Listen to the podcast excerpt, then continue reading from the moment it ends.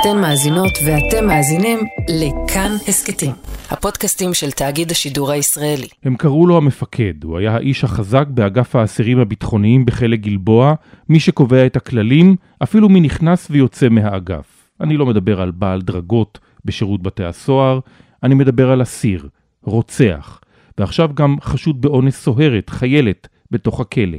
האסיר הביטחוני מחמוד עטאללה. שלום וערב טוב לכם ביום שבו מותר לפרסום שאסיר העולם מחמוד עטאללה הוא המחבל החשוד באונס סוהרת באגף הביטחוני בחלק גלבוע.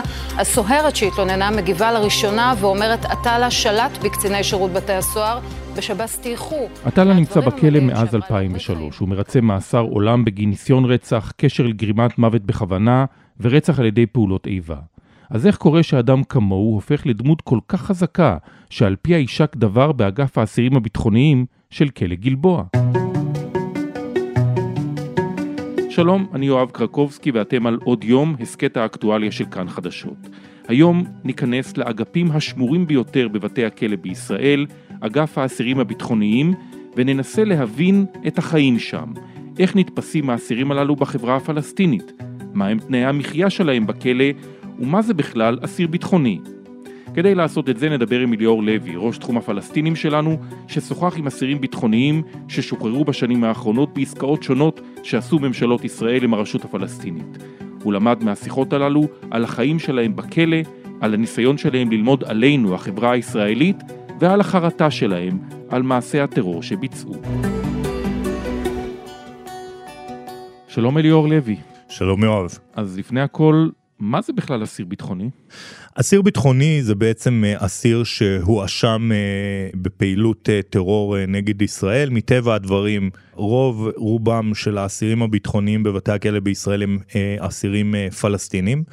מספרם מגיע בערך לששת אלפים אסירים פלוס מינוס, משום שכל הזמן נכנסים אסירים לכלא וגם כל הזמן משתחררים אסירים מהכלא. לא כולם הם אה, אה, רוצחים או מהנדסים של מטענים, זה יכולים להיות גם אסירים שעשו אה, דברים הרבה יותר פשוטים, אבל כולם בסופו של דבר נכנסים תחת ההכללה האחת וההגדרה האחת של אסירים ביטחוניים. עבור הפלסטינים, מה זה אותה, אותו נרטיב שנקרא האסירים הביטחוניים? צריך להגיד שיש ברשות הפלסטינית משרד שמטפל למעשה בענייני האסירים הביטחוניים שכלואים בישראל. כמו שצה"ל והחיילים אצלנו הם סוג של אה, פרה קדושה וקונצנזוס אה, בקרב החברה הישראלית, או לפחות אה, מרביתה, אז כך האסירים הביטחוניים עבור הפלסטינים בין אם הם אגב מעזה, מהגדה, זה פחות uh, משנה, מבחינתם אסיר ביטחוני זה אסיר ביטחוני, הם לוחמי חופש, ככה הם קוראים להם, הם גיבורים מבחינתם, הם זוכים לתנאים uh, מפליגים מטעם הרשות הפלסטינית ובאופן כללי גם הרשות הפלסטינית עצמה ואפילו אבו מאזן שנלחם בטרור, ברגע שזה מגיע למצב שהוא צריך לדבר על אסירים, הוא חוזר ואומר את זה, שהם יעשו את הכל כדי שהאסירים יקבלו, או המשפחות שלהם יקבלו את כל מה שהן אה, צריכות. גם אם אה, זה אומר אה, שישראל מענישה אותם בחוק הקיזוז למשל, קיזוז הכספים על התשלום למשכורת למשפחות של אסירים פלסטינים, מבחינת אבו מאזן ומבחינת ההנהגה הפלסטינית ומבחינת העם הפלסטיני והפלגים הפלסטיניים ומי שרק תרצה, הם מוכנים שכל הקופה הפלסטינית תתרוקן, ולא משנה איזה עונשים הם יקבלו או סנקציות הם יקבלו, בין אם זה... גם בינלאומיות. גם בינלאומיות, גם מישראל, גם מהעולם, הם ימשיכו לשלם להם, זה סוג של פרה קדושה. עכשיו אני חייב לומר לך משהו ב, ב, ברמה של ההסתכלות שלי על האירוע הזה. אני לא חושב שאבו מאזן כזה מרוצה מתשלום המשכורות לאסירים, אבל הסיפור הזה הוא הרבה הרבה יותר גדול מאבו מאזן וזה ממחיש בעצם את האירוע. כלומר, אבו מאזן גם אם הוא נגד תשלום משכורות לאסירים, בטח אסירים כבדים, בטח אסירי חמאס, בסופו של דבר הוא מבין שהאירוע הזה שנקרא אסירים ביטחוניים עבור החברה הפלסטינית הוא אפילו הרבה יותר גדול ממנו ולכן בעצם הוא מיישר קו ומה שנקרא זורם אה, עם הנהר, עם הזרם, עם כל הנרטיב הזה וכל מה שמשתמע ממנו.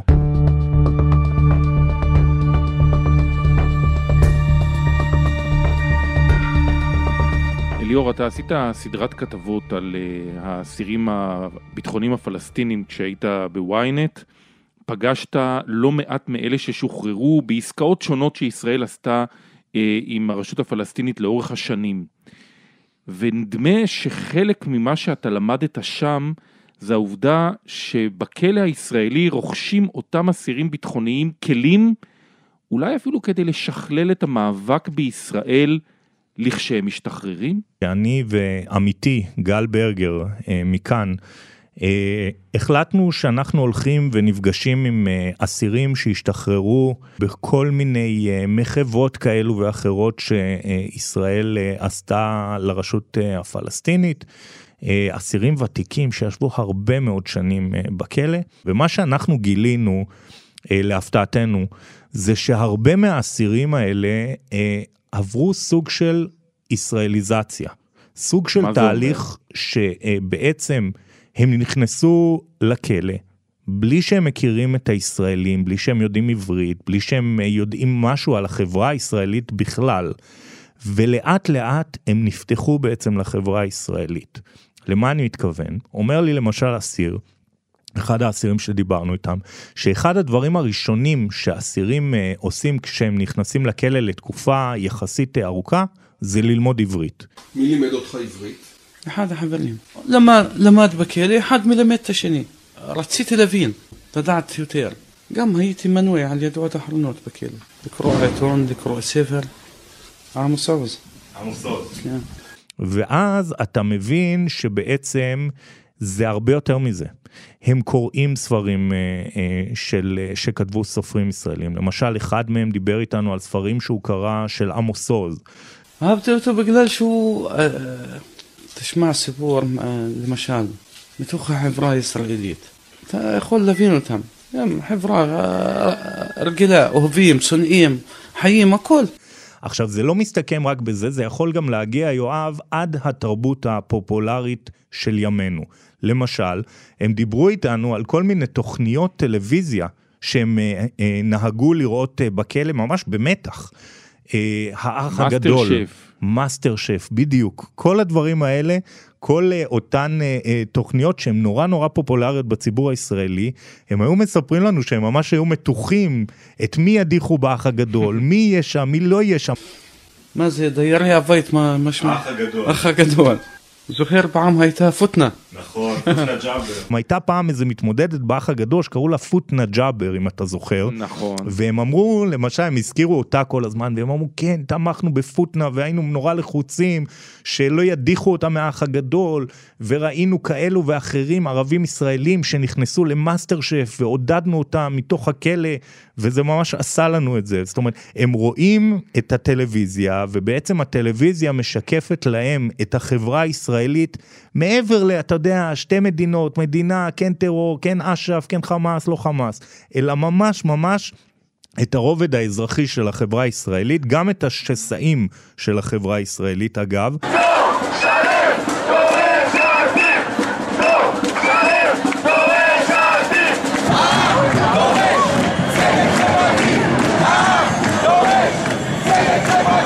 למשל, הם דיברו איתי על אה, אה, אותה אה, מחאת אוהלים, מחאת רוטשילד, שהייתה בשנת 2011, והם אמרו שהם נורא התרגשו לראות את הדבר הזה, כי זה היה בצמוד לאביב הערבי.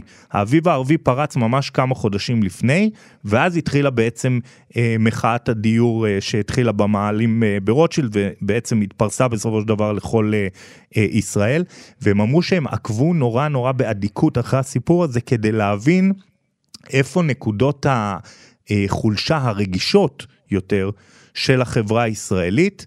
אנחנו ציפינו גם לאביב ישראלי, אבל מה שהיה מאכזב, שהיה חסר בהפגנת את האלמנט הכי חשוב שמשפיע על חברה הישראלית, גם מבחינה כלכלית וגם חברתית, וגם, שהוא הכיבוש. ומבחינתם זה היה משהו אה, מאוד מאכזב, אבל זה נורא מעניין שהם השוו את זה לאביב הערבי שהיה ממש אה, זמן קצר קודם לכן. זה לא רק שליטה בריאליטי, זה גם שליטה בחדשות. הם מבינים חדשות, נכון אליאור? לגמרי, הם אה, ממש אה, עוקבים באדיקות אחרי אה, מהדורות החדשות בישראל, הם אגב גם קוראים עיתונים ישראלים. אני מזכיר, בתאי הכלא, יואב, יש טלוויזיה בכל אחד מהתאים. ושירות בתי הסוהר מקנה להם את האפשרות אה, לראות אה, כמה ערוצים, שכמובן הוא שולט אה, באילו ערוצים הם אה, יכולים לראות, למשל ערוצי חמאס אתה לא תמצא שם, אבל אתה כן תמצא את הערוץ של ה, אה, נגיד הטלוויזיה הפלסטינית הרשמית. אה, שתחת אבו מאזן שהיא מן הסתם אה, הרבה יותר אה, מתונה מהטלוויזיה של חמאס, אבל זה לא מעניין אותם. אתה יודע מה הם רואים? בסופו של דבר הם רואים כאן 11, הם רואים את חדשות 13, הם רואים חדשות 12, זה מה שמעניין אותם. ולפעמים הם משתמשים גם בכם, הכתבים שמייצרים איתם קשר, ככלי, ורק בשבוע שעבר גם אתה בעצם קיבלת מסר סביב הפרשה שנחשפה לפני כמה שנים של סרסור הסוהרות על ידי הכתב לירן לוי בזמנו בערוץ 20, היום בידיעות אחרונות. השם מוחמד עטאללה עוד לא עלה אז, אבל זה עכשיו עומד במרכז הפרשה הזאת, פרשת עטאללה. גם סרסור הסוהרות, גם הסוהרת שטוענת שנאנסה על ידו. ובעצם אתה קיבלת מסר להעביר בחדשות. אליאור לוי, ראש התחום הפלסטיני, אתה מפרסם את הדברים בפרסום ראשון. נכון, למעשה אנחנו מדברים על כך שלפני פחות או יותר שעתיים יוזמים אסירים של הנהגת פת"ח בתוך הכלא שיחת טלפון איתי. ומה שמדהים זה שהאירוע הזה לא רק מסעיר אותנו, את החברה הישראלית, זה גם מסעיר אותם. ולפני שבוע, ביום שהותר אה, בעצם אה, לפרסם את אה, שמו של מחמוד עטאללה, יצרו איתי קשר אסירים מאחד מבתי הכלא באמצעות נייד מוברח, ובעצם הם ביקשו באמצעותי להעביר מסר לציבור הישראלי אה, על כך שהם יוצאים חוצץ נגד אה, עטאללה, שכל מה שהוא עשה בעצם נוגד את המסורת שלהם, נוגד את הערכים שלהם, נוגד את הדת המוסלמית, ושהם מוקיעים אותו מכל וכול, אה, והם אמרו לי יותר מזה, אנחנו נעניש אותו בצורה שאפילו שירות בתי הסוהר שלכם לא יצליח להעניש אותו כי הוא פגע בנו, הוא פגע בעצם בשם שלנו במה שהוא אה, אה, עשה. הופתעת מהמסר הזה? קודם כל כן, כי זה מסר אה, מאוד מפתיע שאתה רואה אנשים, אה, אסירים ביטחוניים שיוצאים בפומבי נגד אה, אסיר שנמצא עכשיו אה, בבתי אה, הכלא. אה, זה דבר שהוא מאוד מאוד חריג, אה, מראה לך עד כמה חשוב להם גם להעביר בעצם את מה שהם חושבים אה, לחברה הישראלית ולכתב ישראלי, אגב, לא לכתב פלסטיני, שגם את זה הייתה להם אה, את האפשרות לעשות, הם בחרו להעביר את זה אליי, לכתב ישראלי. למה זה חשוב להם? כי בסופו של דבר אה, הם מבינים את האימפקט המאוד מאוד גדול של התקשורת הישראלית ומה שיוצא בתקשורת הישראלית. דבר שני, מבחינת המסר, חשוב להם נורא להראות גם לחברה הישראלית, למרות שהרבה פעמים זה קרב אבוד מראש, שהם לא מפלצות עם אה, קרניים שיושבות בבתי הכלא ומחפשות רק אה, אה, איך לפגוע ביהודים. כמובן שיש כאלה, אבל למרות ברור... שחלק גדול מהם, גם אלה שאתה ראיינת יחד עם גל ברגר לפני כמה שנים, הם רוצחי יהודים. לחלוטין, אבל הם עברו שינוי. חלקם אפילו הצטערו על מה שהם עשו. למדתי, למדתי משהו. שאולי נגיע לשלום בדרך אחר. אה, חבל על אה, שפיכת הדם. וגם אלה שאני דיברתי איתם בשבוע שעבר, וחשוב להזכיר את זה כי יש לזה משמעות אדירה, הם אסירי פת"ח, הם לא אסירי חמאס, לא אסירי ג'יהאד איסלאמי, זה לא דברים שתשמע מאסירי חמאס או ג'יהאד איסלאמי, גם אם הם חושבים ככה, ואני מניח אגב שהם חושבים ככה. אבל לאסירי פת"ח שמזוהים עם אבו מאזן, מזוהים עם הרשות הפלסטינית, הרבה יותר חשוב להשמיע את הדעה הזאת, את המסר הזה, גם לציבור הישראלי, אבל הם גם יודעים עוד דבר, יואב, הם יודעים שברגע שזה יוצא בתקשורת הישראלית, זה מיד יקבל הדהוד בכל כלי התקשורת mm-hmm. הפלסטינים וגם בעולם הערבי.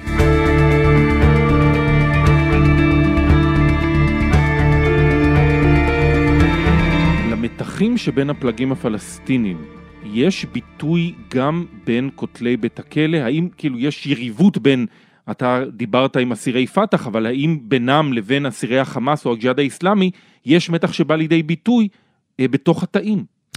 כן, ת, תראה, זה עובד ככה, בסוף הכלא הוא סוג של מיקרו-קוסמוס למה שקורה בחוץ.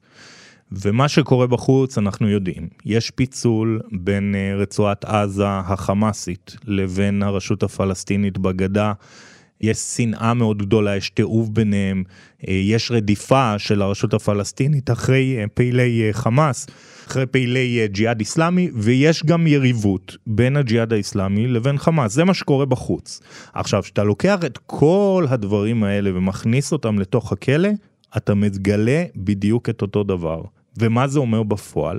זה אומר שנגיד יש תא, אה, או אפילו אגף, ואותו אגף יהיה רק של אסירי פת"ח, ויש אגף אחר, ואותו אגף יהיה רק של אסירי חמאס. האם יש קשר או תקשורת בין שני האגפים? כמעט ולא. הם מעדיפים כל אחד להיות עם מה שנקרא הפלג שלו, אין שם אהבה גדולה אחד לשני, ולכן בעצם מה ששירות בתי הסוהר עושה זה מפריד ביניהם, גם אגב כדי למנוע מהומות בתוך הכלא. ובעצם אתה מייצר את ההפרד ומשול הזה גם בתוך בית הכלא, אבל זה גם מתוך רצון שלהם שלא להתחכך אחד בשני יותר מדי, כשצריך הם כן מדברים אה, בתקופות של אה, שביתות אה, רעב וכדומה, אבל הקשר הוא מאוד ענייני, מאוד קורקטי. ומה שנקרא קורה רק כשצריך לקרות. אם לא צריך אז אין קשר, אין תקשורת, כי אין להם שום רצון להיות בתקשורת אחד עם השני. אולי לא פגשת את האסירים האלה בתוך התאים שלהם, אלא אחרי שהם השתחררו, אבל תכניס אותי רגע אל חיי היומיום של האסירים הביטחוניים שכלואים בישראל? קודם כל תרשה לי להפתיע אותך, כן פגשתי אותם גם uh, בתוך mm. uh, תאי הכלא. מעניין. Uh, עשיתי uh, ביקור uh, בכלא נפחא, שזה כלא ביטחוני ככה מאוד uh, קשה וכבד. והכניסו אותנו שם אה, לתוך האגפים שלהם, כולל של חמאס. נתנו לנו ממש לשבת איתם ולדבר איתם, ובוא אני אתאר לך בעצם מה ראיתי. אתה נכנס בעצם למין אה, מסדרון ארוך כזה, כמו שאתה מדמיין, אה, שאתה רואה בסרטים, זה נראה די אותו דבר. ואותו מסדרון מחולק לחדרים עם אה, סורגים, שהם פתוחים לחלוטין אגב במהלך היום, זאת אומרת כל אחד יכול להיכנס לחדר השני ולעשות uh, בעצם פחות או יותר מה שבא להם. אנחנו נכנסים uh, לחדרים, בכל חדר יש מיטות קומותיים, כמו uh, מה שנקרא בצבא, בטירונות, שכל מיטת קומותיים כזאת היא שייכת לאחד האסירים, שמונה מיטות בכל חדר, יש להם רדיו, יש להם טלוויזיה, יש להם קומקום לעשות אה, אה, תה וקפה, וכמובן אנחנו נכנסים והם אה, ככה מאוד מתרגשים מהביקור שלי, וישר מכבדים אותי בקפה ובתה, ורוצים לשמוע ולדבר. בסך הכל אווירה, אני חייב לומר, מאוד מה שנקרא ידידותית, מקבלת. לא הייתה שם איזושהי מתיחות. אבל כמובן שהם גם לא נתנו לנו ככה להסתובב יותר מדי, כי בסופו של דבר אה, כולנו יודעים שבבתי הכלא יש ניידים מוברחים. אגב, אותה שיחה שעשיתי עם אה, אותם אסירים, מן הסתם מתבצעה דרך אה, נייד מוברח. והם לא רוצים שנראה את הכל, אבל גם, שוב, באותם חדרים יש שירותים. אה, בכל חדר, חדרים קטנים צריך לומר, הם לא גדולים, יש שם מאוורר, אין מיזוג אוויר, בקיץ מאוד חם, בחורף אני מניח אה, שהם מקבלים איזשהו אה, חימום כזה או אחר. ובעצם הם מעבירים את היום שלהם בצורה הזאת. אגב, הם מקבלים ארוחות מבתי הכלא, אבל הם נגיד סיפרו לי שהם אוהבים להכין את האוכל שלהם בעצמם. יש להם קנטינה, שזה מין שקמית כזאת, שבה הם יכולים לקנות מוצרי יסוד, סיגריות, מים או שתייה אה, ממותקת. לכל אסיר, יואב, יש גם תקציב בעצם שהמשפחה שלו יכולה להכניס לבנק הדואר, ומבנק הדואר בעצם זה מגיע אליו, זה תקציב חודשי לקנטינה. אגב, התקציב מוגבל, כלומר גם אם אתה אסיר שבא ממשפחה עשירה והם רוצים להכניס לך נגיד עשרת אלפים שקל בחודש, הם לא יכולים לעשות את זה. הם יכולים להכניס עד מקסימום של, אני לא זוכר את המספר המדויק, אבל נדמה שזה באזור ה-1000-1200 שקלים בחודש, ובסכום הזה בעצם הם קונים את אותם מוצרים בקנטינה, מבשלים לעצמם את הארוחות, לא איזה ארוחות שחיתות או יוקרה כמו שנהוג לתאר, ארוחות יחסית פשוטות, אבל כן, יש בשר, יש עוף. ויש להם ו... גם את האפשרות, שוב, לקבל את האוכל מהכלא, הם מעדיפים בדרך כלל שלא לעשות את זה. ובעצם הכסף שהם מקבלים מהמשפחות זה אולי מהתקציבים, מהמשכורות שהרשות הפלסטינית מעבירה להם. נכון, בעצם. מדויק, מדויק, זה הכסף. הכסף בעצם בסוף לא עובר לאסירים, הוא עובר למשפחות של האסירים.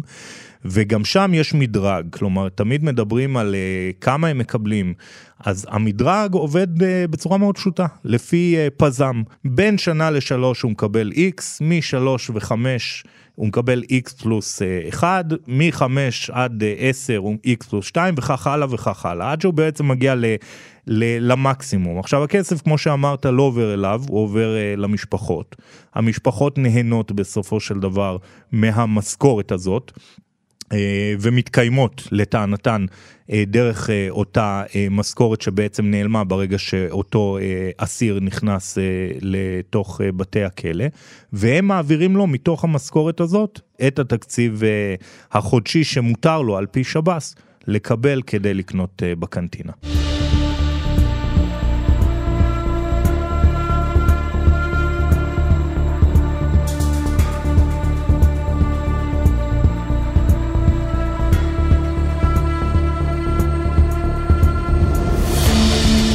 תראה ליאור, לפי הפרשה הזאת של אה, מוחמד עטאללה, עם כל ההבדלים שצריך לעשות, זה נראה כמו פרק בסדרת בתי הכלא עוז.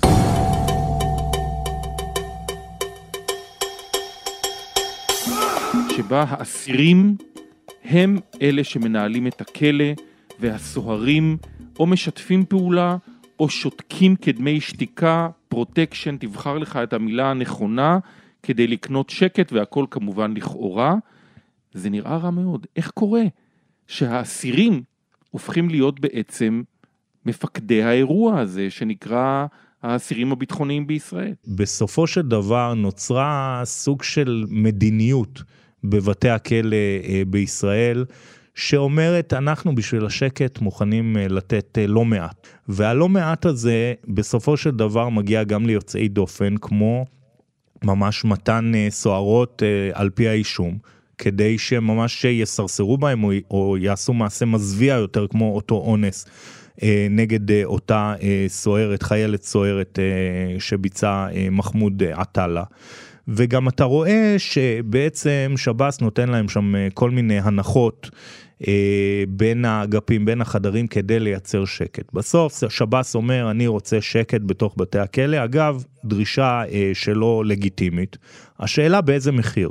ולעיתים נדמה שהמחיר ששב"ס מוכן לשלם עבור השקט הזה, הוא מאוד מאוד גבוה, וראינו את זה גם במקרה של הבריחה מכלא גלבוע, וגם במקרה של הסרסור בסוהרות. אבל בעצם אתה מתאר גם בין היתר, אה, בסדרת הכתבות שעשית עם גל ברגר, איזשהו אה, מנגנון פנימי שיוצרים האסירים כדי לבצע כמעט אה, סגירת חשבונות פנימית, שלא לומר כמעט בתי דין שדה או בתי דין בתאים. זה ממש כך, זה בדיוק כמו שאתה מתאר את זה. בעצם, מעבר לחוקים של שירות בתי הסוהר, גם בתוך האסירים עצמם, בתוך בתי הכלא עצמם, בחיים שלהם עצמם, יש מערכת חוק ומשפט פנימית. במערכת הזאת שירות בתי הסוהר לא מעורב בשום צורה, הם ממדרים אותו מהסיפור הזה. עכשיו תראה, זה בא לידי ביטוי בכמה דברים. א', שמענו uh, סיפורים uh, מאותם uh, uh, אסירים לגבי uh, ממש עונשים שמקבלים אסירים שעשו uh, דבר כזה או אחר. לדוגמה, אסיר שרב או הרביץ לאסיר אחר, uh, שאני מדבר שוב על שני אסירים פלסטינים, יכולים להיות באותו תא. הם ממש אה, מועמדים למשפט, יש שופטים. השופטים האלה שומעים את שני הצדדים וממש אה, גוזרים אה, פסק דין, סוג של כמו במשפחות הפשע, כמו בעולם התחתון, שאתה שומע על בוררים שבעצם אה, פוסקים במערכת משפט פנימית כזאת נגד עבריינים שמסתכסכים. בואו נגיד שתיים היה ביניהם בעיה. בואו נגיד אחד נתן מכה לאחד. יקבל עשרים מכה על יד, יקבל גם עונש קנטינה, לא יקבל קנטינה. רק שהעונשים שם יכולים uh, להתבטא בכל מיני דברים. זה יכול להתבטא בזה שאתה יכול לקבל עונש שאין לך קנטינה. לא כי שב"ס החליט, כי אותם אסירים החליטו, אין לך קנטינה. יכולים להגביל אותך מסיגרות. אתה מעשן? אוקיי, עכשיו שבוע אין לך סיגרות, אסור לך לעשן. וזה עונש, אה, אתה יודע, לאסיר שהוא מעשן או מעשן כבד, זה עונש כבד. אבל זה גם יכול להגיע לאירועים יותר uh, חמורים. נשבר לו היד, שברנו היד שלו. בגלל שהוא הרם משהו, יעני, סכין על החבר שלו. סיפר לנו אחד האסירים. שדיברנו איתו.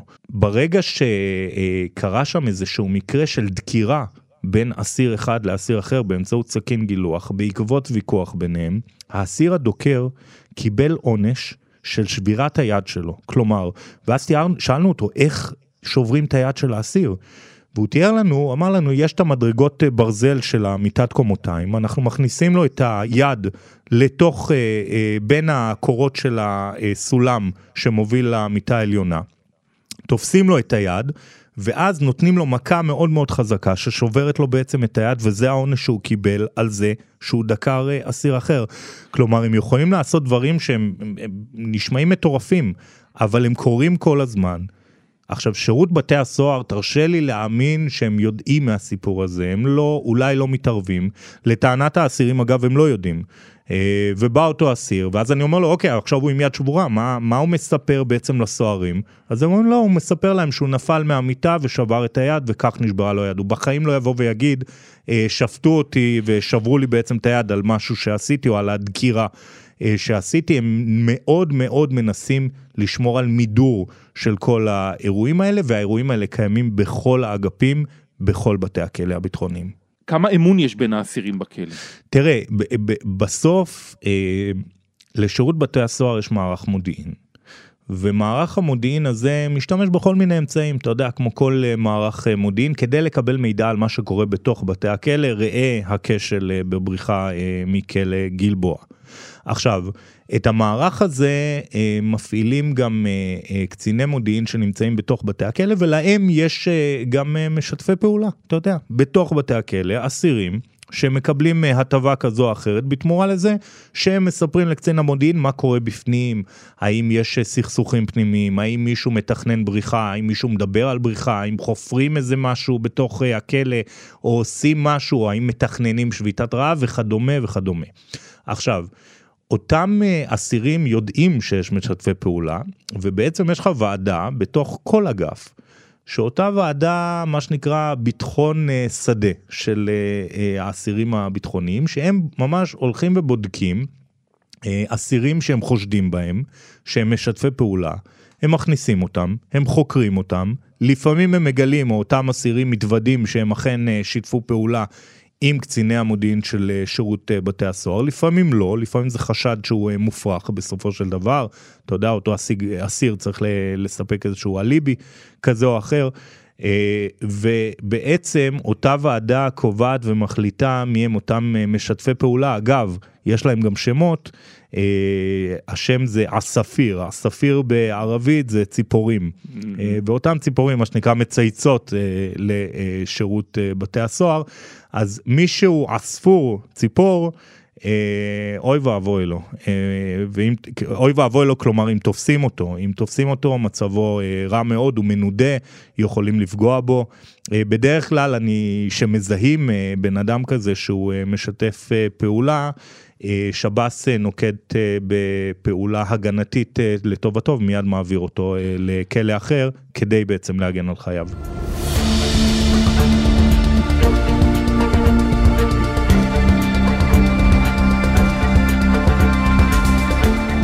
ליאור לקראת סיום, כמה האסירים הביטחוניים שנמצאים בתוך הכלא הישראלי משפיעים על הזירה הפלסטינית, זאת שנמצאת מחוץ לכלא? תראה, זה מורכב, יש, יש להם השפעה ואין להם השפעה ואני אסביר.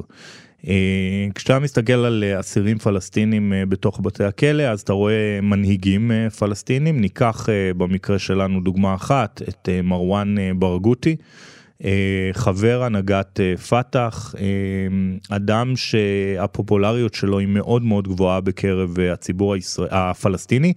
אם אתה אה, בסופו של דבר תיקח את אה, אה, ברגותי ותנסה לבדוק את מידת הפופולריות שלו בסקרים כמועמד נגיד לרשת את אבו מאזן, אתה תגלה באופן אה, סיסטמטי ועקבי שברגותי הוא מועמד מאוד מוביל מבחינת הפופולריות שלו במידה והוא יגיש את עצמו אה, לבחירות לנשיאות, כמובן במידה ויהיו בחירות כאלה אה, לנשיאות אה, ברשות אה, הפלסטינית.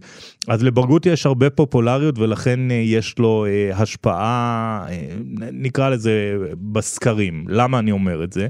משום שאם תיקח את אה, שביתת הרעב שהוביל אה, מרואן ברגותי לפני אה, כמה שנים, שאותו אה, תקרית הטורטית מה שנקרא, אה, של שירות בתי הסוהר אה, עשה לו. אז באותה שביתת רעב, אה, בגלל הפופולריות שלו, היית מצפה, והיו כאלה שבאמת ציפו, שיהיו הפגנות ענק בגדה המערבית לשחרורו ולטובת האסירים ועימותים עם כוחות הביטחון בנקודות חיכוך ואתה יודע, כל מה שמשתמע מכך. ולא, ממש לא, אתה לא, לא ראית את זה.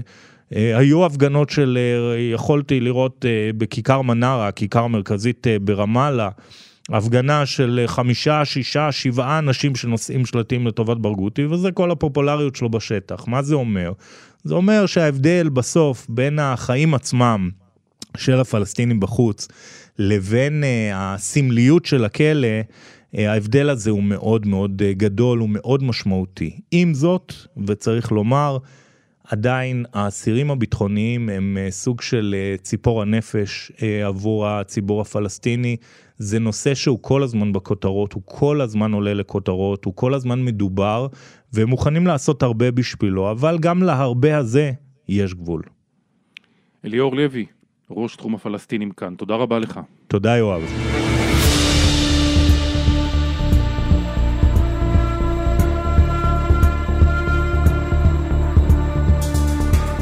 האזנתם לעוד פרק של עוד יום. אורחים יותם רוזנבלד ודניאל אופיר, עיצוב קול ומיקס חן עוז, ביצוע טכני יוסי תנורי.